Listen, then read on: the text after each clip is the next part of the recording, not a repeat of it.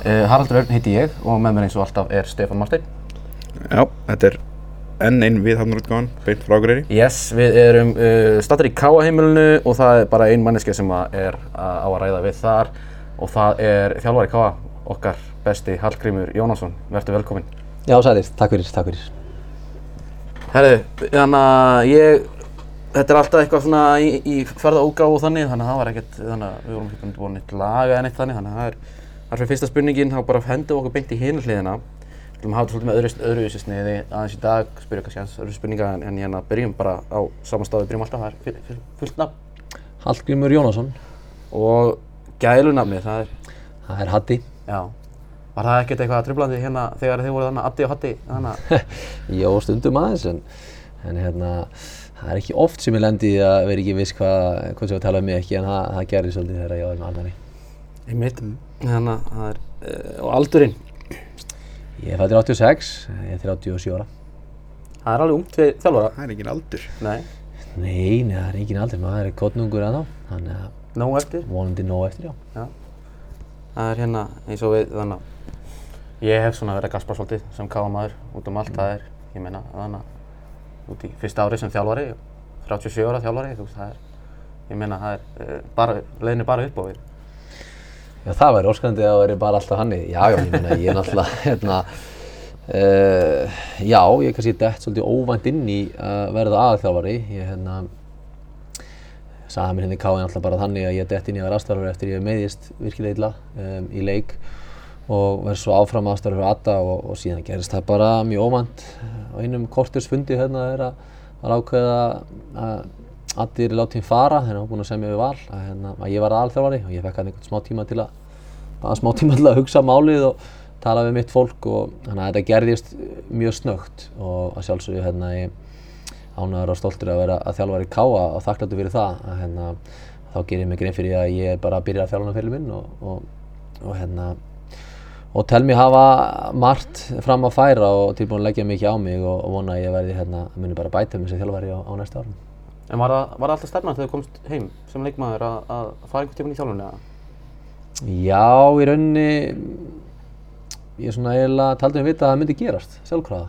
Um, en, en ekki svona snemma. Ég ætlaði mér að hérna, enda að spila heima Húsavík eh, sem leikmaður. Árið myndi fara í, í aðalþjálfvaran og jafnvel taka mér eitt ár í frí og eitthvað svona en, en, en svo bara gæra stundinni svona hratt og mér bauðist þetta og á hérna rosalega svona hvað ég segja, góðum tíma hjá Káa og þegar ég bara fór yfir kostu og galla þá ákvæði ég hérna, að það væri réttast fyrir, fyrir hérna, mig að, að samþykja þetta tilbúð.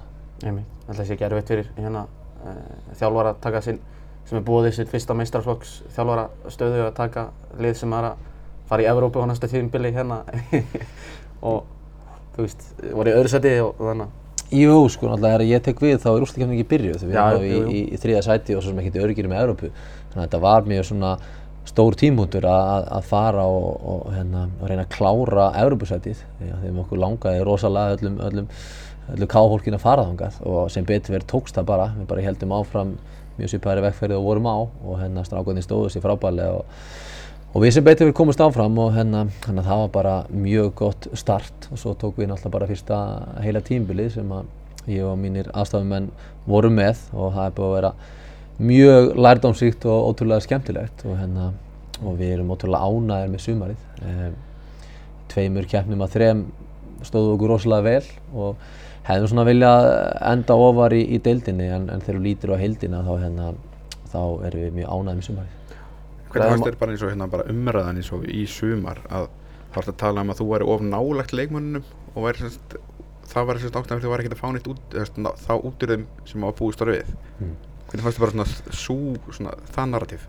Já, ég er bara mjög auðvelt að, að benda á það þegar fólk er utan að komandi og þú veist, já, hann er ungur, hann er sinna nált, en hann var leikmaður, þannig að bara skilnægt, en, en ég held að þú spyrir leikmenn og fleira, þá hérna, ég hef sett uh, strákar sem ég umgekst mest þegar ég var í liðinu og fyrirlegan hendur hún á bekkin þegar það er best fyrir lið og ég hef sett menn í því miður þurfti að setja menn í aðbönn sem að ekki hafa þessu þessu menn þannig að ég hef hérna, ég tek bara ákveðin sem er besta fyrir káa, ekki hvað er auðvöldast eða þægilegast fyrir mig eða, eða hver ég þekki. Og hérna og eins og ég sagði, þú veist, það bjóst engi við því kannski í sumar að við myndum spila svona svakalega fjölda leikjum, það bjóst engi við því að við myndum færa svona svakalega mörg ferðalög, álæði var bara gríðalegt og, og Káa hefði spilað fjóra erfbúrleik í sögunni, þá hann tek við og við spilum sex bara í sumar og fórum við byggarúslít og staðan var bara þannig að við þurftum að þess að hérna, að vega og meta hvað væri mikilvægast. Og þar var deildin bara undir, bara skýr skilabóð frá frá stjórninni að, hérna, að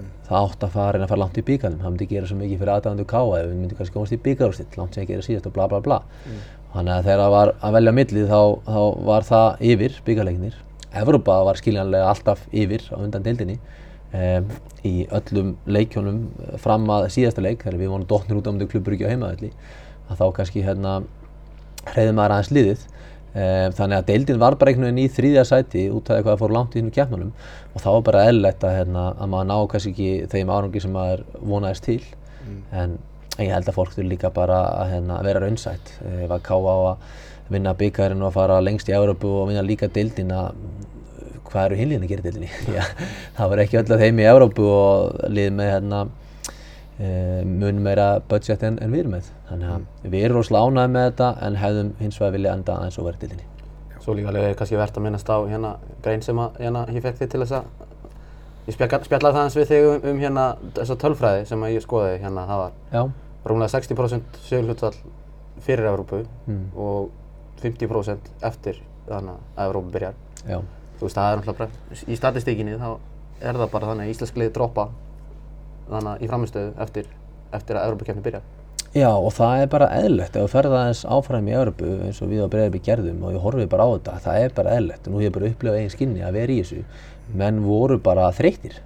Við erum að ferðast svakalega vegalendir. Uh, við erum að segja gáður sem að ferðast í heimalegin okkar við náðum ekki endurheimt vegna þess að sem dæmi vorum held í, í hérna, Wales þá þurftum við að, hérna, að vakna um miðan nótt eftir leikinn þess að vera endurheimt til að keira til Liverpool til að taka ferju yfir til Írlands til að fljúa til Ísland skiljiði þú veist, við fengum ekki sem svefnin okkar. Ætlast til að menn getur bara hérna, toppað alltaf bara tveim, þreim dögur setna aftur og aftur og aftur og aftur. Það er bara ekki hægt. Já. maður reynir að fara eins vel undirbúin og hægt er og, og, og lemja strákan áfram og fá til að finna motivation en ég sjáum bara eins og, breyðablik núna sem að lendi í rosalega miklu álægi að það gengur ekkert í deildinni eins og kannski mann veist eðlegt fyrir breyðablik en ég sýni bara hullan skilning því ég hef verið í þessari aðstöðu og það er allir sammála því að breyðablik er frábært lið spila skemmtilega fótbolta en sjáum við hvað það gerir fyrra og núna í deildinni. Þetta er ekki að því að breyðablik eða þjálfan var allt í hennu helmikið lélari og svona er þetta bara kíkið bara á klagsvíki færiðum og fleiri. Þetta er alls það sama sagan og það er bara eðlegt og maður þurfa bara að vera raunsæðir hins vegar erum við gríðarlega ánæðir ef þú hérna þú spyrir káafólk, ef þú spyrir leikmenn hvað, hérna, hvað myndir þú vilja gera fara langt í Europakefni og, og, og byggar og við gerðum það. Ef þú spyrir aðdáðuna um, þú meðal annars ferðaðist með okkur. Frábært uh, að geta fyllt káa í Europakefni út um alla Európu og, og byggar og slitt ef þú spyrir stjórnina, frábært. Kemur eitthvað annað en við höfum gert síðustu ár og, og tekjur af Europakefninu árið 125 miljónir það er eitthvað sem káa hefur aldrei séð. Þannig að það er rosalega mikið jákvætt þó að hérna, sumir eh, fjölmiðlar vilja reyna að draga okkur niður að því að, að því ég sagðist fyrir móti við ætlum að vinna mótið og það er bara það sem að ég verð að taka á kassan því að ég held að þessi 5-6 liði deildinni sem allir sem vinna þetta mót. Eitt sem vinnur þetta og hérna það er bara þessi mönnu lið og, og maður var svona aðeins að íta áfram þú veist, maður spurði fyrir mót hvað ætlar að gera? Og, mér finnst bara ekki rétt að segja við ætlum að gera lélerinn í fyrra. Þetta var one hit wonder, við stefnum ára að vera í sjöund látasæti Já, já. við viljum ekki stefna þar. Við viljum stefna herra og það þýðir ekki að þú náir í endilega öll árin en, en, en yfir kannski tveggja, þryggja ára tímabil þá langar okkur í káan á erfgefni okkur langar að bæta okkar en við seljum leikmenn Af því það er hérna þannig sem við viljum uh, hafa þetta í Mm, og ég, ég nefndi að eins og við hérna Ívar í ger að þú veist eins og, eins og Arnar, Arnar Gunnlaugs til dæmis minna, hann sagðist alltaf vinna mótið á þessum tíma og hann sko næstu í feldilið á hann að gera það síðan. Mm. þannig að þú veist þetta er hún ekki fyrsti þjálfarni sem að svona já fekk kannski svolítið fram úr en, en á samanskapi þá veist það er uppbygging og þú veist þetta er náttúrulega reynsla sem að mun skila sér. Bara hárétt og þú veist uh, hárétt og ekki það ég sem alltaf að fella káa en, já, hann var mjög náttúrulega annað hverju svo tímili þetta bikarinn. engin hérna, já já, og engin hérna höstflesti bara samra því að Arnar er mjög fær þjálfari. Uh, sko, það er líka ástæðan fyrir maður að segja þetta, ég vil bara íta þessi við strákunum, ég vil íta þessi við hugsun í káa að við sjáum okkur sem topplið og það er ekki káa að vinna hvert einast ár. Heldur að við ætlum okkur þarna, við ætlum að leggja á okkur, við ætlum alltaf að taka skref. Og káa búið að taka frábær skref í mörg ár veist, ég var ekki hérna að Bjarni Jó var hérna, ég veit að hann lifti liðina þessu upp. Uh, svo kemur uh, Túfa hann vinnur gríðað mikla vinnu og fyrir um bjúróstild uh, svo kemur Óli, hann leggur til máluna annað leikstildi vinnur með núna, ná á 5. sæti. Hann andur fara, þá kemur Addi það fyrir líka í rétta átt og þannig að við erum búið að gerast í mörg ár. Uh, síðan tek ég við og við eigum allavega leið ykkur bara að dæma það. En allavega er hérna búið að ganga síðustu tveimur árum er annars að þetta er deild og það er langt í öðru kefni og það er byggjaúrstitt þannig að Káa er rosalega flottir í vegferð þú veist, löngu áni ég kom til félagsins. Ég er bara ánægður og þakkláttur að fá að taka þátt í og fá að halda áfram með því. Um, við viljum vera ofalega, við viljum vera topp 6 klúpur og við viljum kannski uh, já, að, þrygg, að við hugsa þrjú tímbil í einu, að var allavega einu sinni í Evropu og hvað sem það er að vinna byggarinn eða endi í topp fjóru sætunum og svo viljum við selja leikmenn sem við gert vel undanfarið og við fórum í svona stefnumótunarfund hérna 2019 sem voru sett svona markmið og við náðust öll nema eitt. Það sem náðust ekki var að, að selja leikmann úr akademíunni. En við seldum leikmann í mestarlokki, við fórum í Örbykjafni, við stabilegum í deildinni veist, og svo með fullt af strákum á Norrlandi, við erum svona vissa tölu þar sem við viljum hafa. Mm. og þið kikið á hópun okkar, við erum með rosalega marga káamenn og menn á Norrlandi. Þannig að við erum að, eins og ég, við erum á svo góðum stað en við langar að íta þessi mönnum að vera ekki sattir og ég vissi alveg, ég fengi það í baki að við myndi ekki vinna deildina og, og þá er það bara þannig. En, en við ætlum ekki að sætt okkur við það að vera bara meðarklúpur Já, ég, ég meina, ég man vel eftir eðumörkugöngunni hérna í, í, í hérna, ég man hvað hún hétt þá, í hérna næstæsta deild, þannig að hvort þá ég er bara einn kassó þá, hérna, þú veist, að það sé verið að, að krítisera káa fyrir að enda í sjöhundursæti núna, Já. þú veist, það er náttúrulega bara frábært staður að vera á, sko.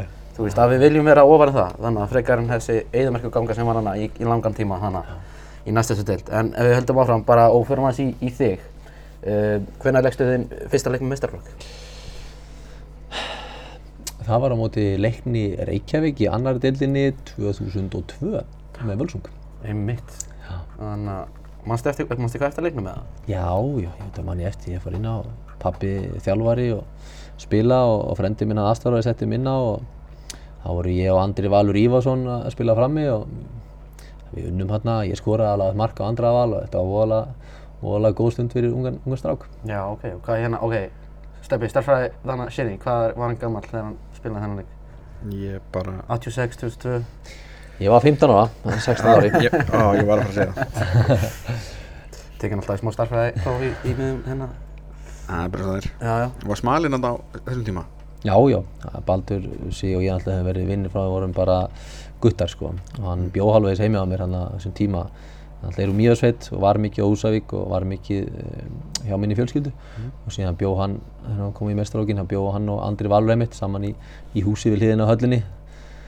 Húsi með hérna Já, það var kannski alltaf hreint og fínast hús í heimi sem að Völsungur reddaði hann að leikmönnum en, en uh, já, hann var hérna á þessum tíma og bara margi góða leikmær. Pálmira Pálmarsson var hérna líka og uh, setnum sumarið spilaði ég frammi með Ásmundi Arnarsinni og spilaði með okkur um, og Herman Algersson spilaði úrstöld og líka hérna, Birki Átn Ómarsson hérna þjálfari í dag, mann ekki hvað þetta eftir þjálfarinn hans, og ljótti munnið það ekki. Ég man ekki alveg, hann með Bara stjórnulið. Já, já, það var bara fullt af, hérna, í, af, af frambæðilegum leikmönnum sem, sem náðu svo að, að fara ansi langt.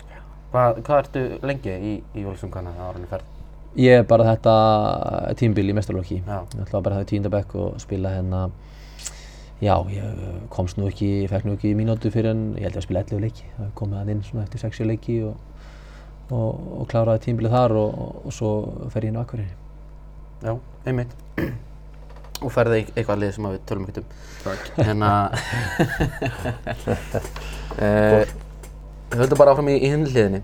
Kynnast manneskinu. Hvað er uppátt strikkur þið? Herðu, upp á strikkur minn, ég er mikill mjólkumæður, drekka allt og mikið af mjólk. Já, ok. Þannig að en svona, ef ég fari eitthvað aðra að drikja bara mjólk og vatna þá er ég mikið að drekka eitthvað aloe vera drikk núna. Mér finnst það aðalega góður. Aloe vera is king held ég að hann heiti. Já, Ég drekk svolítið á honum núna. Það er alveg drikkur já. Já. Þetta er allavega, hérna, first time for everything, sko. Alveg vera þess king hvað, hérna, á, uh, hérna, lokahófinu, er það um helgina það? Já, það er bara á lögudaginn. Hvað verður þá, Fe- fengið sér svona til að fagna? Já, já, bara það byrjast að koma í ljós. Ég drekk nú ekki, þannig að Nei, ég ok. drekk ekki alkohól, þannig að það verður allavega ekki svo leiðis, en hérna... Bara alveg verið aðeins king þá líka Alveg verið aðeins king með steikinu maður. Nei, nei, það er ekki gott. Gott Pepsi Max eða eitthvað. Já, já. Uh, hvað er það uppáhalds matsölustæðurinn? Matsölu staðurinn. Hard hitting questions. Já, sá sem að bjarga mér oftast er hérna Við pöntum, já svo mörg börn sko, maður verið að panta hérna, hérna er ekki tími eða nenni ég elda, það er hérna, ég, hvað heitir tælenski dagurinn í bæ, hérna hjá leigubíla, það er beint á móti. Hvað segir þið? Tælenski Já, staðurinn í hérna, bæ, eh, Króatæ. ekki? Krú, já, Já. Krúasjám, Króasíam. Krúasjám, það er svona, það bergar mig oftast, en Já. svo er náttúrulega Emma Diggur, aðdáandi greifans og hérna Sprettins, við finnum alltaf. Sprettin hérna, káa starfsfólkið á og, hérna hlustum á ruggliði Sævari Pétursinni og Jón Tanni Magnúsinni. Það er líka góð staður. Ég er þannig, ég að dásamaði sprettin mikið í þættinum með Ívari, þannig að ég ætla ekki að tala mikið um það núna, sko. Æ. Þannig að, uh, hvernig bíl áttu? Ég á uh, Mitsubishi Outlander. Já. Og ferði vel? Já, er bara mjög flott. Ég er hérna komst að hérna halvu ári eftir að ég keypti hann að að konu mín er ólétt og við pössum ekki öll í bílinn, hún er sex. Þannig að hérna, en já, en þá er svo með hérna ég, bíl sérst, sem ég get haft sem sjömanna bíl með. Þannig að við erum með tvo bíla. Nei, mitt. Uh, hvað er uppáhalds sjónvarsdátturinn? Sko, það sem ég eh, reyta oftast í svona ef ég ætla bara að horfa eitthvað hugsunarlaust þá að vera Seinfeld. Mér finnst það gríðarlega gaman en ég horfa ofta á Friends með konu líka og Desperate Housewives og hvað sem hún setur á. Nei, mitt. Nei, Friends og Seinfeld, þetta er klassík, sko. George Constanza Gægjaður, hann er minn maður. Ertu, hérna, horfður mikið á, á stúkuna og bestumörkin og það?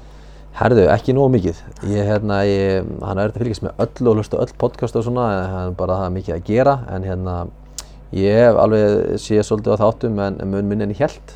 Ég bara, hérna, ég er oft ekki verið heima þegar sem þættir eru, ef við spilum útileikið þá hafa maður bara að keira, eins og þið þekkið, fimm tíma heim og, Já, já. og svona, og það var svo stutt á milli leiki í sumar, maður kannski var ekkert mikið að fara aftur í þætti og spóla og sjá þá, það var bara mikil vinna með að undirbúa næsta leik, þá bara þrý dagar á milli leikja og svona, en, en já, já, ég sá einn og einn þátt og hérna, Erfitt að horfa alltaf svo þósara. nei, alls ekki, alls ekki, mér finnst það nú bara að vera allt topp fólk, sko, hérna, og mér finnst þið bara líka vel undirbúnir, mér finnst hérna Lári Sorri og Baldur og þeir sem voru hérna, Alli og náttúrulega Gummi, mjög skemmtilegur, hérna, að stjórna þessu, þannig ég bara flotti þættir og ég er ánægð með að það vera svolítið vandaðir þættir, þetta er fólk sem er að vanda þessu og gera þetta vel, þetta er ekki bara hérna, einhverja blammiðingar út í loftið eins og á sumum stöðum. Einmitt. Þú ert ekki alveg að sála því oft Ha, jú, jú, þeir eru, þeir eru flottir maður, þeir eru flottir. Það er stundum sem að, hérna, kannski aðalega Láru Sorri, hérna, lætur Þórsara, hérna, hjarta sína svolítið, sko, þegar hann tala um káa, en, hana, en það er, það er líka bara, það er bara stundum þannig. Það er hluta þessu. Já, já. Uh, uppáðast tónlistamæður?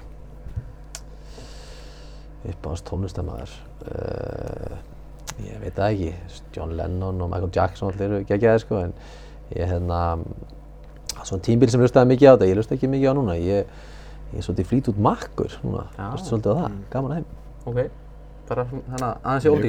Já, ég er mjög hérna, ég er alæta á tónlist nema eitthvað of hérna eitthvað dauða rock og svona, ég, ég hlusta ekki á sama á stubbu hlustar á, sko, maður hafa það á hreinu. En, en, eh, Ég var, ég var einmitt var með introlag, með hana Korn introlag í gæð. Já, það fer seint á, í spilan hjá mér, Já. en hérna, Ég var þetta ánægð með það í gær. Já. Já, já, það er fínt að þetta kemur bara svo óvart stupir rólegasti maður í heimi og renn ekki um blóðið þetta sé tónlist sem maður hlustar á, ég Já. bara, ég trúði ekki, en það er bara svona, Já, já. Uh, hvað er uppáhalds hlaðarpið, svona, að okkur? ja, þetta er það ekki, ykkur undirskynning, sko, ég eh, einhvern veginn tengdist mest Dr. Fútból, Dr. Fútból, hérna, ég, ég á þeim mikið að þakka, þeir, hérna, ég, duðlega gaggrið mig, Já. nei, þeir, hérna, ég, þegar ég var þessu, hérna, í minni endurhæfingu, þá var þetta heila eina podcasti sem var svona alveg komið á ról sem ég allavega þekkti og hlusta á og Það er maður komið að vara í 2-3 klukkutíma á dag að gera ykkur sjúkánaæfingar og koma nólust tónlist. Þá hlustaði ég mikið á Dóttarfútból og, hérna hefði gaman að því og, og svona já, maður var ánægði með Hjörvar hvernig hann stjórnaði þessu og, og hérna þó Hjörvar vitaði ekki sjálfur þá var hann smá þátt í velgengni Káa undanferðin ár. Já. Fáið sér vitað það en hann hérna, hann hefur þjálfað mig í Káa. Já. Hann hefur þjálfað Káa. Er hérna, hann þykist verið ykkur hágámaður og bliki, hann er Káa maðurinn að beinir. hann gley, hann, hann, hætt, hann minnist alltaf svona þegar hann talar um káa, minnast að á frænda sinn. Já, já. Hann kom með okkur hérna í æfingaferð 2019 held ég með Óla Stefán. Það vant okkur markmannstælar og hann kom með okkur út og var með okkur og þjálfa okkur þar. Hann, Já, ok, hann þarf að muna það þegar hann hérna, er að fjalla um káa, hann er, hann er hluta sögunni. einmitt. það verður hérna, maður verður að minna, send, sendum á Jóa, segjum að, segjum að minna, á- Já, hérna, við, minna Hjörvar á að hann er káamar. það er bara bref. Já. Herði, það hver er finnasti Íslandingurinn? Uh, um, ég held ég verið að segja Pétur Jóhann.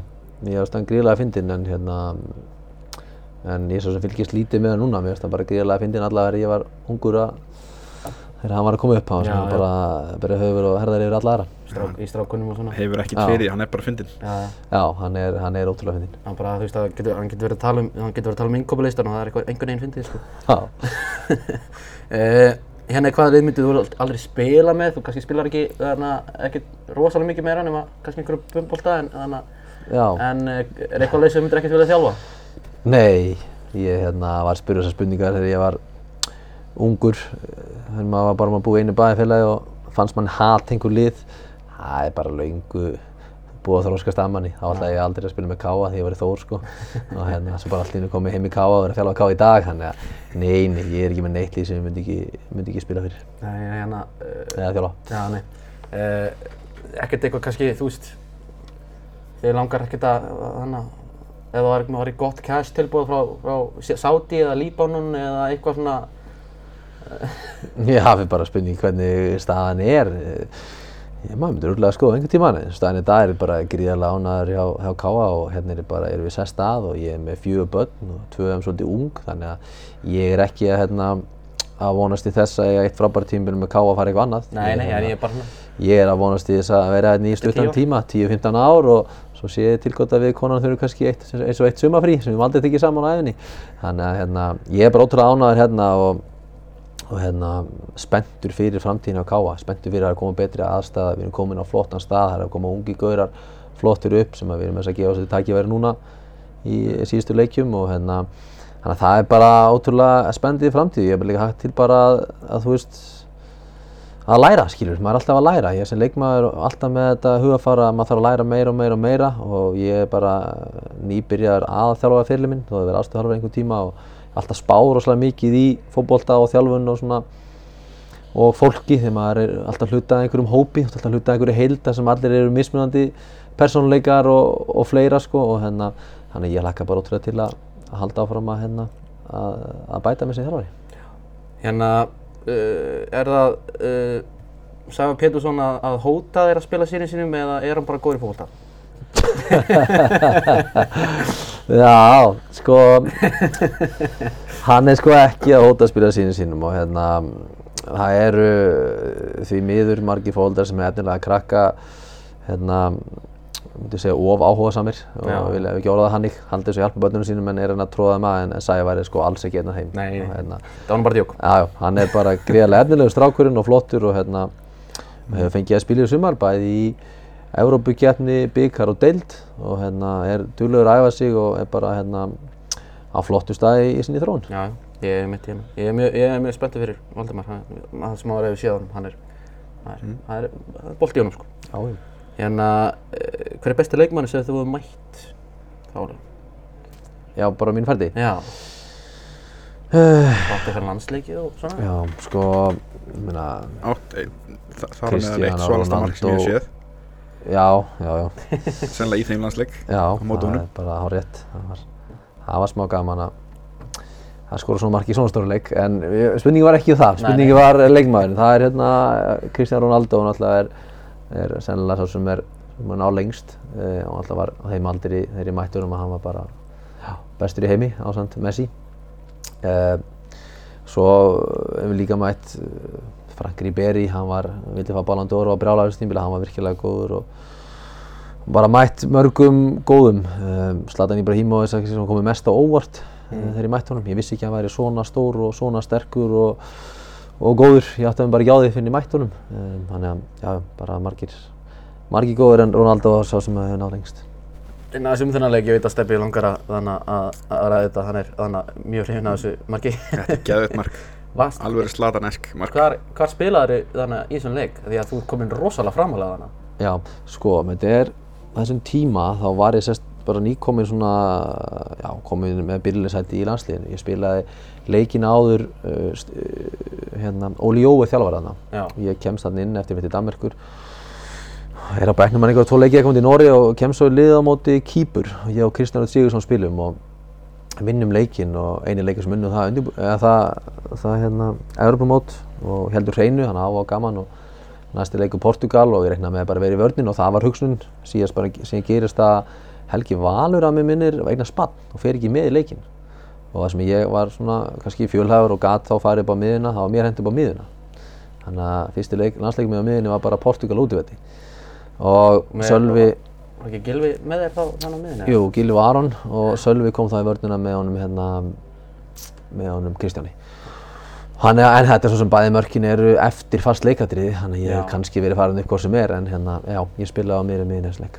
Einmitt. Þetta er, þannig, að þetta er, þetta er svolítið, maður svona kannski gleymi því sko einmitt, þannig að þetta er gaman að horfa á þetta mark aftur. Gilvi kemur með, þú veist, þannig að maður sem sér að Gilva, svona ungan Gilva er að koma hotspyrnu inn í sko, hérna, þú kemur á flegi ferð þannig. Mælum með því fólk, þannig að leita að þessu sko, þetta er, þetta er skemmtilegt sko. Gott mark. Já, Já, þetta var fínt mark. þannig að hver er þá mest óþólandi leikmær sem það mætt? Já, óþóndi leikmaður sem ég hef mætt. Það voru fíbl allstæðar, sko. Er það, er það gjammið eða á vellinum. klípin sem að perjaði meira? Nei, svona, ég myndi segja óþokkar sem þól ekki neitt þegar það er gert við þá. Það fer fátt meira í töðunar á mér. Já, já. Ég hérna, get alveg þólað menn sem eru fasti fyrir og, og taka þið líka. Uh, ég þekki marga þannig og það er bara, ég dýrka að spila hann leikmenn. En þegar þú ert að svindla og jafnvel að reyna að meiða leikmenn, uh, ég fíla það ekki. Mér langar ekki að nefna neinn nöfn uh, á Íslandi og því þekki ég guðurinn sem fylgur erlendis, þannig að ég held ég fá bara að sleppa þessari spurningu en, en það eru leikmenn á Íslandi sem að hérna, spila leikinn á þátt sem ég hef ekki viljum fyrir. Einmitt. Skilji. Hver er þá fyrirmyndin í æsku? Erlendis uh, síðan það langaði alltaf að vera miðumæður og alltaf miðumæður hann var 19 ára um, og Íslandi náttúrulega elsmaður bara pappi minn er náttúrulega leikmaður og síðan þjálfari hann er mér, mér langaði að verða, verða fótboltamaður eins og, eins og pappi Einmitt. Uh, þetta er svona, hver er sætist þessi sigurinn? Þá kannski getur maður sagt bæði sem leikmaður og þjálfari.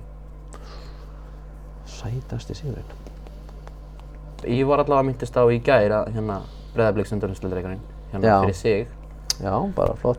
Sko, við náttúrulega, mínu fyrst tímabili með Keflavík verið byggamestrar. Þá vinnum við hérna KR og þá var ég bara 19 ára að vinna með fyrsta titil og það var alltaf gríðarlega gaman. Ég ótrúlega skemmtilegu Keflavíkurlið, margir ungir keflingingar, eh, svona kjarninn, bara góðir keflingar og flottum aldri. Bói, hérna, aðstöðurum alltaf var hérna líka. Að vinna þann titil var, hérna, var, var gríðarlega sætt og, og hérna, Já, svo maður er náttúrulega erlendis, þú veist, maður svona mann eftir að, þú veist, unnum, þú veist, erum við í Lyngby sem dæmi, síðast þessi sem var að kom heim, þá hérna, við vinnum FCK á heimavelli og ég skora mark og við tryggjum okkur Európusæti og svo komum við svolítið óvart, unnum hérna, og vorum að minna hérna öll inn í efra umspilin í röð. Það var hérna, það var gríðarlega sætu sigur líka og bara stórt fyrir félagið eins og Lyngby. Einmitt. Uh, en s- sem þjálfari þá, þannig að er það, er það kannski bara Breiðablik eða Döndalk eða Já, nei, ekki breiðabliki undanúrstum bara, nei, nei, nei. Sko, Döndalk, að fara áfram á til Döndalk uh, er gríðarlega stórt uh, og að hafa þessi einvíi, að hafa unnið á 3-1 heima, þar sem að mörkin eru frábær hjá okkur. Við höfum þrjú skot á markið og fjóraskotið fór svo í slá, við vorum ótrúlega effektífir og spilum góðan leik uh, og úti var þvílík pressa á okkur. Ef að, ef að þeir hefðu skorað fyrsta markið þá hefði þetta verið hérna í þá hefði þetta verið erfitt um, og mér fannst því svona að koma ótrúlega vel í þann leik því að þetta er mikið pressa á, á strákana að fara að mæta aðtumannlega útvelli vitandi að við erum að að verjast mikið og þetta er erfitt. Og mér fannst við svona að við þjálfarateimið setja leikinn flott upp og þetta tókst fullkomlega. Þeir komast ekkert í gegnum okkur, bara endur þessar fyrirgjafir og við vorum vel undirbúin þar. Og Jóhann skor náttúrulega snemma að komast yfir. Það að fara áfram til Döndalk myndi ég segja að væri það stærsta. Um, og ég held að fólk átti sig ekki alveg á því að sko sem dæmi Döndalk um, þú veist, þeir skrifa undir með leikmanni sem er kynntu þegar hún spila á móti leikin úti. Og hann er sennilega með ja, meiri laun heldur en allt byrjulegum mitt í samans. Bara svo átti sig á stærðamun liðana og þeir voru búin að fara í ríðakefni Európa-deildar tveimur uh, árum áður eða eitthvað hérna þannig að þeir voru bara gríðarlega stert lið fyrir Káa sem að stráka sem aldrei farið í Európa-kefni, aldrei farið áfram á móti stóru liði þá myndi ég segja að þetta sé sætasti sigurinn sem að ég hef á mínu þjálfaferli Já. Mm þeir maður kannski líka aðeins eða, eða smá þessum penning í, í innviði, hefur maður heyrt. Já, já, bara frábært að geta lagt hönd og blóð með að káa að fá við fjármagn og svo bara hérna treysti ég stjórninu til þess að hérna Já, ég meina, ég var að tala um Döndalk sko, en þannig að Hvað segirðu, að fyrirgefðu? Döndalk mætti þannig að eða þessum penning Já, já, já, já, já, og þeir náttúrulega, þeir voru náttúrulega bara dörti sko, þeir Já. settu okkur í úldin klefa, ég hef aldrei séð svona og uh, þeir sem sagt klættu sig í öðru húsi, síðan lappa þeir bara yfir í klefan í Samús Jórum, sem var líka ömulegur, bara tíminir leik, Já, já. þeim þú veist, þeir ekki að halda að þeirra aðstæða verið léleg, þeir bara letu okkur í hræðilega aðstöðu sem ég skil ekki að vera samþykkt og þeir klættu sig bara annar staðar, þannig að eina sem ég get kannski sett út á, þú veist, grassi var ekki gott, þeir eru skipt á því. En, en þú veist, þetta lið er hérna, ég segi, með miklu meiri budget en við og þú veist, eru bara miklu stærra lið en við, e, sama hvað fólk heldur e, og bara svipa gott lið og, og hérna, þeir sló út Breiðablík, sem var flott, en það er ekki stærsta lið sem Breiðablík hefur slegið út, það var Shamrock, bara svipað á Döndalk, því að svo slóður út hann liðin í byrjun, fínt, en Breiðablík betra lið og svo slóður út þetta strúkalið sem er miklu liðlega en Breiðablík, þannig að ég held að við Breiðablík hefum slegið út svipa sterka anstæðinga og ef við kíkjum bara innbyrðisviðurnir hjá Döndalk og Shamrock, þá vinnur Döndalk og vinnur Döndalk og svo vinnur Shamrock 1-0 þannig að þetta er þannig að já, ég myndi segja að það var hérna það var mjög gott afreik hjá öllu káa, ekki bara mér sem þjálfa, heldur leikmönnum og stjórninni og að við hefum getað selt þeim og að þau fari svona því að ég hef sagt það eftir að hafa bara greint á og spilað á móti þeim og bara upplýtt einn skinni að káalið sem ég er með höndunum í dag á móti Döndalk sem var þá færi Döndalk sjösunum áfram af tíu og við Já. það er mitt mat. Já, það er svo sem Döndalt ekki að mæta í fyrst skipt til Íslands heldur að slóa F-fangun út á þeirra tíðinbili Já, og ég ætla að þekki ekki nákvæmlega hver budget þeirra var þá eða en, en, en já, já, þeir eru bara, og bara með miklu meir reynslu við í Evropu, sko. Það var þjálfar þeirra fyrirlið. Einmitt. Við erum með, tók eftir, við erum bara jakkamlir og báði fyrirhandi leikmæna, þetta var svona svipið saga hjá okkur, sko. Já, já. Hver er það svona mestu vonbriði? Uh, 2008 já, er það menn sem þjálfari eða sem Bara- leikmæður? Hjá þér? Á, bara æfinni? Á ferðinum? bara, bara bæði, bæði þjálfari og leikmaður Þú voruð aðeins kunnið að svara þessu. Já, uh, þeir eru ungu leikmaður 2008 já, en, en, en svo komst ég bara út, þannig að ég jafnaði mig fljótt á því. Uh, ég held að mestu vonbriðin á ferlinum var þegar hérna, ég fekk ekki að fara að loka mót EM. Mér finnst það virkilega, virkilega ósækjant og skildi ekki það ákvörðun, búinn að vera í sjö ári í landsliðinu og loksins komist áfram og hérna, búinn að vera, já, ég vann líka einasta leik í sjö ár og, og spila í undirkeppni EM og HM og svo allt í hennu var ákveðið að hérna, henda einhverjum okkur 5-6 út og taka nýja stráka sem að og þeir sem voru teknir í mína stöðu spiluðu ekki eina sekundu og hérna, þannig að það var, það var rosalega, ég upplegaði rosalega ósangjarna ákvörðin. Já, einmitt. Það er hérna, þau kannski vilja vera þannig að það sem að hinn kámar var haukur. Já, Haugur, hann náttúrulega kom inn sem dæmi, hann var ekki í mörgum já, leikjum já, sko, hann já, kom inn hann og, bara standi sér vel, flottur í hérna í, að- í AEK, ég á nú ekki að berjast við hann um stöðu sko, en hérna, en já, ég hefði klálega viljað fara á EM og svo alltaf er gríðileg vonbriði hvernig hérna, að leikmannaferðli minn endaði sko, að ég fái hérna eina glóðlösa tæklingu í, í hnið og hérna, og ferðlinn endaði þar nánast og ég hafa nú hérna, verið duglegur í endurhæfingun og, og náð mínu markmiði eftir ég meittist að koma tilbaka og spila í úrústeld, ég náði því og svona leið betur að hætta þeirri fórsendum en, en þetta tók bara mikið af mér, þú veist, ekki bara fótballtaferilin heldur bara framtíðina, ég meina hnélífin á mér er ekki góður og ég er með verki nánast stanslust og, og ég mun þurfa að skipta hann út, ég get ekki stunda þær íþróttir sem ég vil gera á þess að vera með verki og og svona get ekki leikið við börnum minni sem ég langar að gera þannig að þetta tekur að manni miklu meira heldur en bara að hætta í fótbolta. Þannig að það er hérna það var líka ekkert voðalega skemmtileg upplifun. Nei, þetta- þetta- svona, svona vond meðsli, sérstaklega kannski í lók ferilsins, tekur þetta ekki verulega á andlega líka?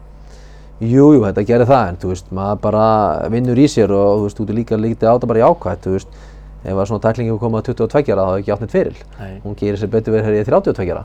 Þannig að þú veist, maður reynir bara að vinna úr þeirri stöðu sem ég kemur en jújú, jú, þetta, þetta tók á andlið það hjálpaði mér rosalega mikið að, að hérna, ég var gerður aðstofalvar í Káa þannig ég var að mæta alltaf hinga og ég var á öllum æfingum, ég var í leikjum, ég hafði hlutverk. Ef ég hef bara kúplað mút og verið bara meittu leikmaður og verið bara í sjúkárun og ekkert náða að mæta á æfingar með eða ekki þátt í leikjónum þá hefði það áfall verið miklu meira.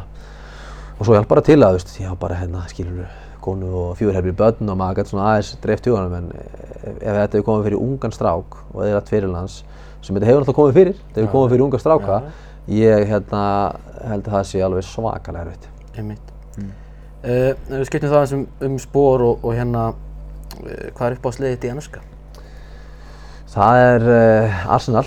Ok. Mínir menn loksins að hérna, vakna til lífsins eftir mögur ár, þannig að hérna, ég er full á trú að þessi á rétti leið. Hefur þú tróð tillin mjög árið eða? Ég, nei, sko, ég er eiginlega á erfitt með að sjá að hérna, Arsenal vinni með hana blessaði Guardiola er hérna hinnum meginn, sko, Já. hann er bara ótrúlegur, hann miklu meiri budget og er bara hérna, það er góð þjálfari og ja, þú veist, við höfum sjans, áttur líka sjansi fyrir það en klúruðum því en, en ég held að þessi líklegast að sitja í vinni þetta. Já, það er svona, bendur allt til þess. Já, Allavega ekki United. Nei, við erum Chelsea menn hérna, sko. Það, Þannig að það gengur svona aðeins verri. já, þið keiftu nú á leikmannum allavega. já, já, þið fenguð einn hjá okkur, hvernig líst þér á hann? Uh, Havertz, það, ég fer að fylgjast með þeim. Ég hef bara það mikið að gera á K.A. Ég hef ekki tími í að fylgjast með þessu en hann lág skoraði um daginn sá ég og Það var ég svona held leik, að, leik, leik þátt að viti, sko. já, ég held við mér að mín, mín águrskinu svo að hann á ekki að standa undir væntingum. Nei, ég get alveg kvitt undir það. Við, hérna, við, eh, við vitum það vel að það verður sér aldrei að fara að vera neinn stórstjárna í. Arsenal þá. Uh, ef þú fengir að velja einn leikmann úr öðru sk- íslensku liði, það er kannski svolítið erfitt að spyrja þig þessu, af því að þú kannski Já, ert að skoða það. eh, Ef þú fengir að velja einn leikmann uh, erlendis, típu á leikmanni, spyr það kannski því frekar, uh, sem að myndi að fá í, í káliði. Segð, þú veist, þú mátt bara velja þá hérna bara Sergio Ramos eða bara þessi típu, skilur við. eða það bara, þú veist, ef bara leikmenni sem þau spila með, þú mætti taka einn af þeim tilbaka sem myndi vera bara í præminu sín núna hvernig myndir það taka í káa? Uh, það er svona tveir leikmenn sem að poppa upp bara þegar þú segir þetta sko. Þú veist, Prime uh, gíli við sig, það er heldur flottur. Ef, ef, ef við nefnum einhver leikmenn sem þið kannski þekkið, það leiði til nefnum bara einhvern húgala búgala sem við þekkið ekki. Það er aldrei að vita hvað maður þekkir, sko. Og Ég svo- þekki nú þetta keflaði ykkurlega ágætlega Já, svo er einn hérna Dani sem er ekkert eðlilega góður sem að þið þekkið aðeins, sem heitir Rasmus Falk. Já, Hann tók, FCK, já, hann er svakalega góður og hérna, þetta eru leikmenn sem að ég myndi ekkert neita ef byggðist að koma í nei, nei, einmitt. Já, já, það er flott bara þannig. Ég, ég byrja að lesa spurningun og fatta í miðri, miðri línu bara, já, maður kannski ekki sangjart að spyrja þessu. en hérna, eh, hver er efnilegasti knattspinnmaður og kona landsins? Já, uh, ég náttúrulega þekki ekkert mikið yngjurlokkana núna, ég þekkti það betur hefur aðeins að, að þjálfa yngjurlokka en af þeim svona sem að ég þekki sem er að, að spila í úrváðsdeild þá er ég rosalega hrifinn af uh, svona tveir leik, eh, nei, svona, ég er nefnilega þrjá leikmenn sem ég er rosalega hrifinn af. Já, Ég er rosalega hrifinn á honum hérna Loga í FH, gríðarlega þroskaður og góð leikmaður við aldur, getur spilað nokkra stöður og hérna rosalega hrifinn á honum. búinn að spila hann næst bara eitthvað, þú veist, 60 úrvalstætti leikið eitthvað, hann er 18 ára eða eitthvað. Já, og mér finnst hann bara, mér finnst hann bara frábær. Um, Hlinur Karlsson er það ekki í val, ég er líka mjög hrifin á honum, ég ætla ekki að segja hann jafn lengi, en hann hefur komið inn í mjög gott valslið og, og staðið sér gríðarlega vel. Og svo svona akkurát núna er það er svo gaman að fylgjast með Eggert, ég finnst það bara gaman að horfa á hann, ég veit ekki nákvæmlega hversu góður hann er, ég hef ekki séð það marga leiki með honum. Það er svona, þegar maður horfir á leikið sem hann er þá einhvern veginn uh, fær maður moment sem maður brosir. Það minnir mér rosalega á hérna, Veiga Pál einmitt sem bara var þjálfaðinn í stjórninu, svona hvernig þingdabútin er og, og hreyfingarnar og svona. Og hérna, hann virkar líka bara mjög þroskaður einstaklingur sem að hérna, ég, eins og ég, ég held að allir þessi þrjí leikmenn muni fara erlendis og hérna, og gera það gott og svona mín tilfinning er svo að þessi með rosa svona gott og rétt hugafar. Það eru nokkri erfnilegir í, í, K.A. núna, eins og við vorum myndum, myndust á Valdemar Loga og þú er búinn að gefa öðrum sjans. Mikael Breki eða ekki? Og, og Jú, hérna- ég, Sigurður Brynjar er líka að spila fyrir okkur og Gabriel og já, Mikki og alltaf Ingimar í Rönnflokki og ég held að einhverju sex leikmenn sem við hefum gefið svona, ennþá yngri okkur sem hafa fengið tækifæri með okkur í sumar sem er bara Mm. Gríðarlega gaman. Og Valdimar er svona búinn að fengið mest af ungu leikmannum og hérna og Mikael Breki, hann náttúrulega hérna er rosalega efnilegur strákur. Er hérna, En þú minnist á hérna Ingimar, Já. Stöðli, já, hérna, uh, bara maður gleymi því, hann er svona ungur sko. mm, því að þannig að hann náttúrulega spilaði ekkert mikið í byrjun tímubils, fekk svolítið gaggríni, uh, kemur svolítið inn í þetta síðan núna setna meir og hann er bara, hann er búinn að vera frábær upp í síkasti. Já, hann er frábær, hann náttúrulega er svona meira fram á við, það var henni kantari sem er gerður á bakverði og í byrjun tímbils voru bara aðra undan honum, hann þarf, hérna, þarf eins og við allir að vinna í einhverju. Og hann þarf aðeins að vinna í, hérna, er búinn að ræða hann með, með varnarleikinn sem er eðlilegt þegar þú ert kantari settur í, í, hérna, í varnarstöðu, Eh, þannig að hann er hérna búinn að bæta sig og hann er að vinna vel í sínum málum og mun vinna vel í sínum málum í vetur. Eh, og hann hérna, hefur alla möguleika á að vera, vera frábær leikmaður, hann er leikinn, hann er fljótur og hann er með svona, hann er svolítið nagli sko, með hann í hugafar og, og, hérna, og þórin, hann þórir að gera hluti og hefur gert mikið fyrir okkur fram á því. Þannig að hann fekk bara ósakjæðan gaggrinni hérna eftir eitt leik þegar hann fekk ekki nóg aðstóð og held að Birnir ekki reyðið hafi komið á hann einn og einn tíu sinnum og þetta endaði með að Birnir komst fram hjá honum og, og skoraði mark. Og það var á móti Viking þegar við þurfum að gera breytingar á liðinu og töpuðum illa og þá fannst mér nú að sniðut að taka einn ungan og kenna honum um ansi mikið, það var bara mjög ósangjöld gaggrinni sko. Já, þannig að ég er allavega búinn að vera mjög hreifan honum, ég veist að fara svolítið undir, undir radarinn hérna. Það hefur ekki beint verið mikið umræða um hvað hann verið góður upp á síkasti sko. Nei, hann er hljóðtýpa, ég held að sé ekkert mikið á Twitter og Instagram að pressa sjálfan sig, hann bara hérna sinnir sínu jobbi og gera það vel og hérna er vel liðinn og hérna, já, bara mikið að leikmaði fyrir okkur í nánustu framtíð. Já, ég er allavega spenntur að sjá hann á næst tímbili, þannig að hvernig, hvernig, hvernig skrifa hann tekur. Já, samanlega. Uh, hver er besti knattspinnmaðurinn frá upphafi að tímabæti? Líður Messi. Yes, rétt svar? Jú, sennilega. Já. En á íslenskur þá?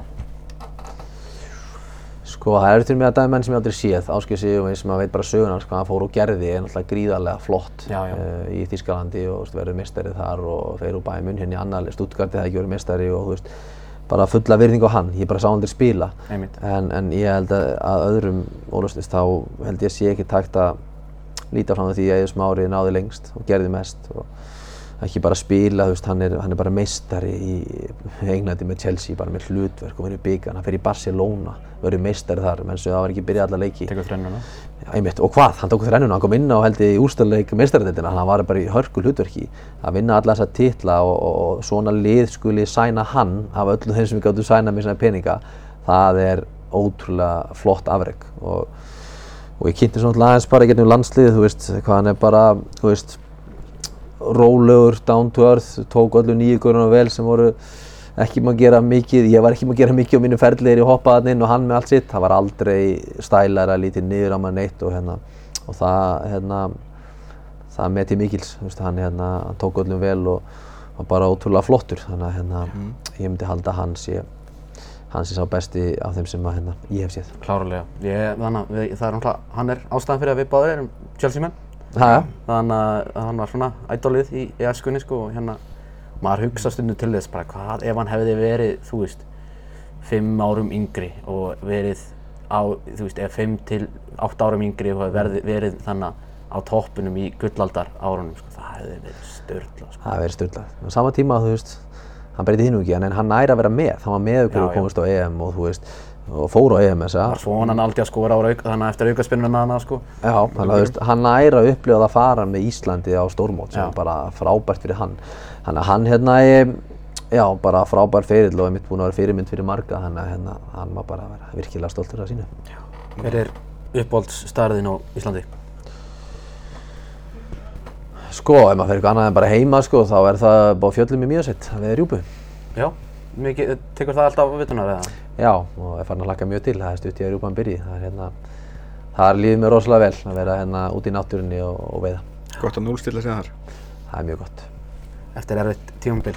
Það var þá rjúpa í, í, í gamlars mat eða Það er Rjúpa á jólunum. jólunum. Já, já, þannig að, já, já, það er bara fínt að hérna, góð útvera og hotlu og góð útvera, þannig að ég hérna, og maður fer að veiða með, þú veist, bara ættmennum og vinnum og Baldur Sig kemur hérna að veiða með mér og Baldvin bróðir pappa og pappi og fullt af mönnum, þannig að þetta er líka bara svona sósíala hérna, Einmitt. hittast og fara saman í veiðferð.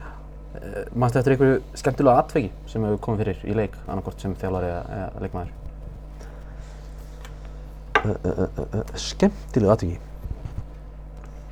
Um, pff, sko, eitt fullögt atvik sem ég kom fyrir uh, dettur þetta í hug, ég alltaf var ekki undirbúin undir þessu spurninga, ég var Nei, ekki búin að munna eftir því sko, en, en hérna þá ég aldrei séð þetta áður að hérna við fáum víti á, Haukur Heiðar Haukur fær oss í víti. Við spilum við saman á móti Kanada. Og svo stillir hann sig upp og tekur vítið og hann ætlar að skjóta niður í vinstriðóðnið sparkar með hærlöfni í vinstriðöfni á sér og boltin skrúast róla í hægra hóðnið já, og markmaðurinn skutar sér í rétt hótt sem hann ætlaði að skjóta í og boltin fór einhvern veginn fáránlega með einhverju snúning og lakin það bara allir sá að hann tók tvö touch. Það bara ég aldrei séð þetta áður. Það bara ólögt bara mátti ekki taka tvö touch í víti. En einhvern veginn tókst dómaratríun að klúra því og dæmdu marki gilt. Þetta er svona furðulegasta moment sem ég hort á. Eiginlega bara hlóð þetta. Var æfingarleikur skipti ekki öllu máli og, og hérna já þetta var mjög eh, skemmtilega furðulegt atvik já, kom ekki fyrir svipað hlutur í hérna í, í sumar í lengjutildinni? Jú, hérna, jú, á Njarvíkvelli, Já. leiknin Njarvík. ok Það var þannig að það var le leiknismæður sem að þannig Dan- að Danni gerði svipað. Daniel Finnsson og var hann dæmt mark eða? Já, það var dætt mark. ok Það var kannski aðeins mikilvæg leik. já, með mitt Þetta var, jú, þetta var, Þetta var, uh, held Narvík var í að, hot held að baráttu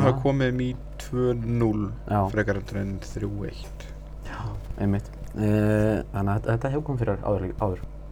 Það reyndar eftir Reyndar eftir. Haukur, Haukur Heiðar er, er, er svona, hann, Trendsetter. hann trendsettir. Já, hann, hérna, hann er þetta skamma sig fyrir að fá þetta víta sig. Já. Nei. Hérna, þetta var mark, hann þarf ekkert að skamma sig. Uh, ertu með einhverja hjátrú tengd fótbolta? Ívar sagði að þú værir, hérna, værir með einhverja línu tengd þessu. Mm, já, ég sagði bara, nei, ég er ekki með hjátrú. Nei, Og hérna, ég sagði hjátrú væri bara fyrir, það væri merkjum weak-minded.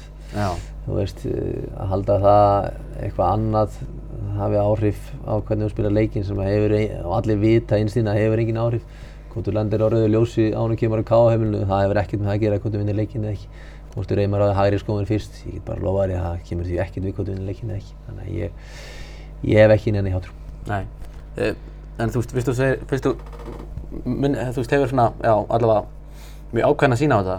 Er, þú veist, ef, ef- er einhver svona hjátrúfullir í, í liðinu sem að þú kannski svona aðeins, þannig að Já, sko, svo munur horfir, sko... horfir á og segir kannski, herðu hérna, þarf ekki að gera þetta. Nei, ég svo sem hef ekkert verið að skipta mér mikið af því sko, en að vandamálið við sko einhverja hjátrú er að þá ertu kannski búin að ákveða sko út af eitthvað gerist sem hefur henni ekki alveg áhrif á leikinn, út fann að koma einhverja neikvæða myndir í hausinn að þá munur tapa eða ekki gera vel.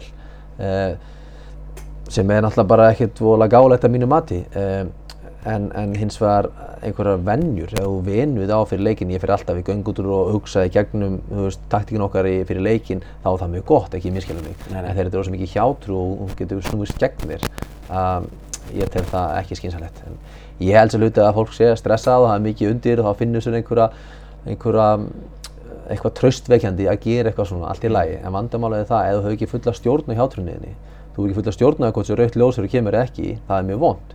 En ef þú kannski ert með einhverju hjátrú í klæði með alltaf hægri skóin, þú getur alltaf gert það, að þá er það bara fínt eða líður betur með það, skiljum. Einmitt. En, en ég myndi ekki mæla með að vera með hjátrú sem hefur ekki, ekki fulla stjórn á. Nákvæmlega. Fylgistu með, einhverjum öðrum íþróttum en, en fótbolta? Ég meni, ég horfði mikið á handbolta en ekki á heimilinu og hérna frá ef að gutti ef maður hort á handbolta, það var mikið að horfa íska landslið í handbolta en um, nei ekki mikið, ég horfði mikið á frjálsar ef að gutti, maður alltaf horfði bara á allar íþróttir en hérna ég horfði eiginlega bara á hérna á fótbolta og, og handbolta í dag. Gengur vel í káfa núna? Bara flott start og gaman, kemur hérna nýr ungu þjálfari og hérna búinn að æfa vel og, og standa sig vel, þannig að það er bara mjög gott fyrir káa, gott fyrir alla að byrja vel. Einmitt. Uh, Steffi, spurningin þín? Spurningi mín, Já. hvað, takskonir? Já. Já, í, í hvernig skóm spilaður? Herru, ég var nú bara í alls konar sko, svo endaði nú síðustu árin í Nike, þar sem að ég fekk þau bara gefins, þá spilaði ég í Nike skóm, um, man ekki eins og hvað þetta heitir, hvað heitir það Nike, hvað heitir leðurskotnir, hafsendarskotnir á Nike, ekki Magista og ekki Hypervenom, Hvað tempo? Tiempo, það er skotnir, ég spilaði þeim, mér styrir hérna. Pældir eitthvað mikið í litunum eða? Nei, hins vegar var þetta hann í lokin að þá þurfti ég alltaf að spila í nýjasta litnum. Það sendið mér skór og ég veist, var á samningi á Nike og þar þurfti ég bara að spila í nýjasta litnum þegar ég lítið á þetta sem auðlýsingu. Þannig ég spilaði í alls konar flottum og, og minna flottum skóm. Einmitt. Uh, ertu eitthvað skólaður?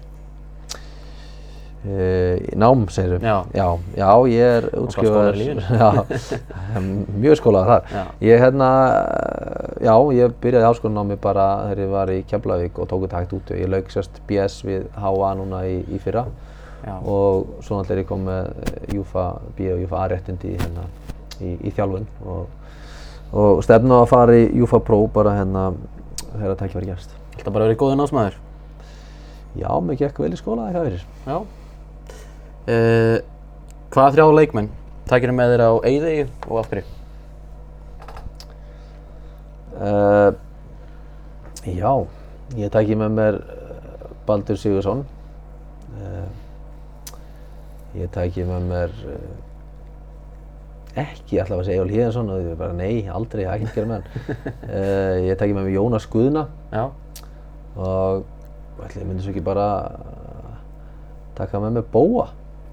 Bóa til að vera með brandar allan tíman, hann er mjög fyndinn og skemmtilegur og sér jákvæðilegur á öllu. Uh, og Baldur Jónas er náttúrulega bara verkfræðingar sem myndu sennilega hérna, myndu sennilega koma okkur af þessari eigu á einhvern skemmtilega nátt. Einmitt. Þetta er bara þaulreynt og, og þið, þið standið ykkur fyrir hana. Uh, ertu með ykkur að styrlaða staðarindum sjálf þig?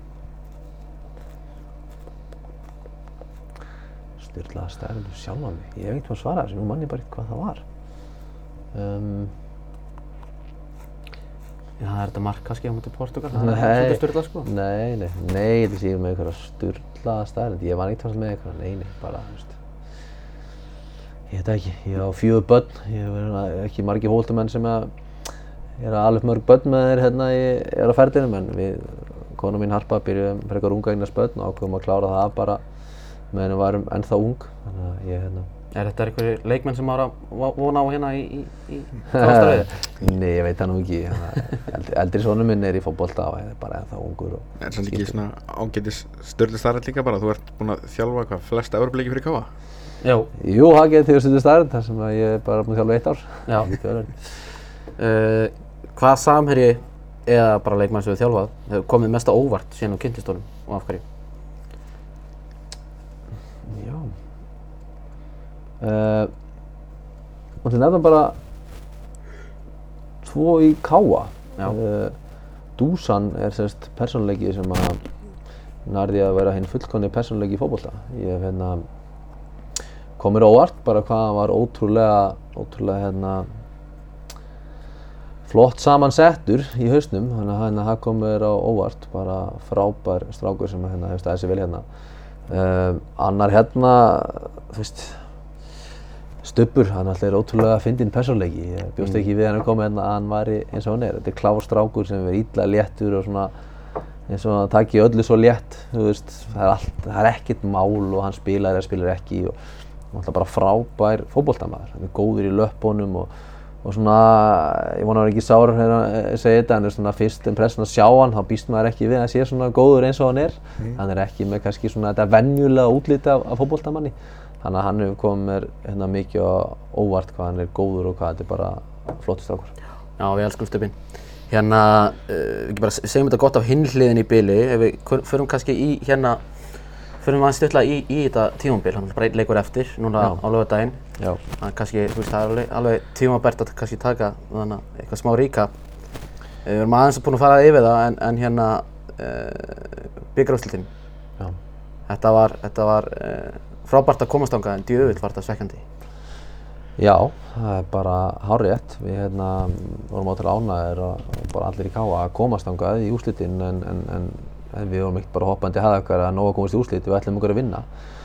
Og við spilum fínan leik um, og því miður töpum við á móti sterku liði Víkings og hérna og svona maður er með smá, nú hef ég eiginlega aldrei tjáð mig um hennar leik lítið fyrir bara akkurat í viðtölum eftir leikinn um, en svona það sem maður svona svíður aðeins eftir hennar leik er að við fengum bara ekki uh, sangjarnan séns það er bara stóri dómar sem að hérna, falla því miður ekki með okkur um, og og svo eins fyrirlögt að það er, þá bara lendum við í að tapa hlutkesti og við fáum bara vind og rigning í smettið og fáum á okkur bara tíu hótna, bara veðrið hafði ótrúlega mikið áhrif á leikinni fyrirháleik.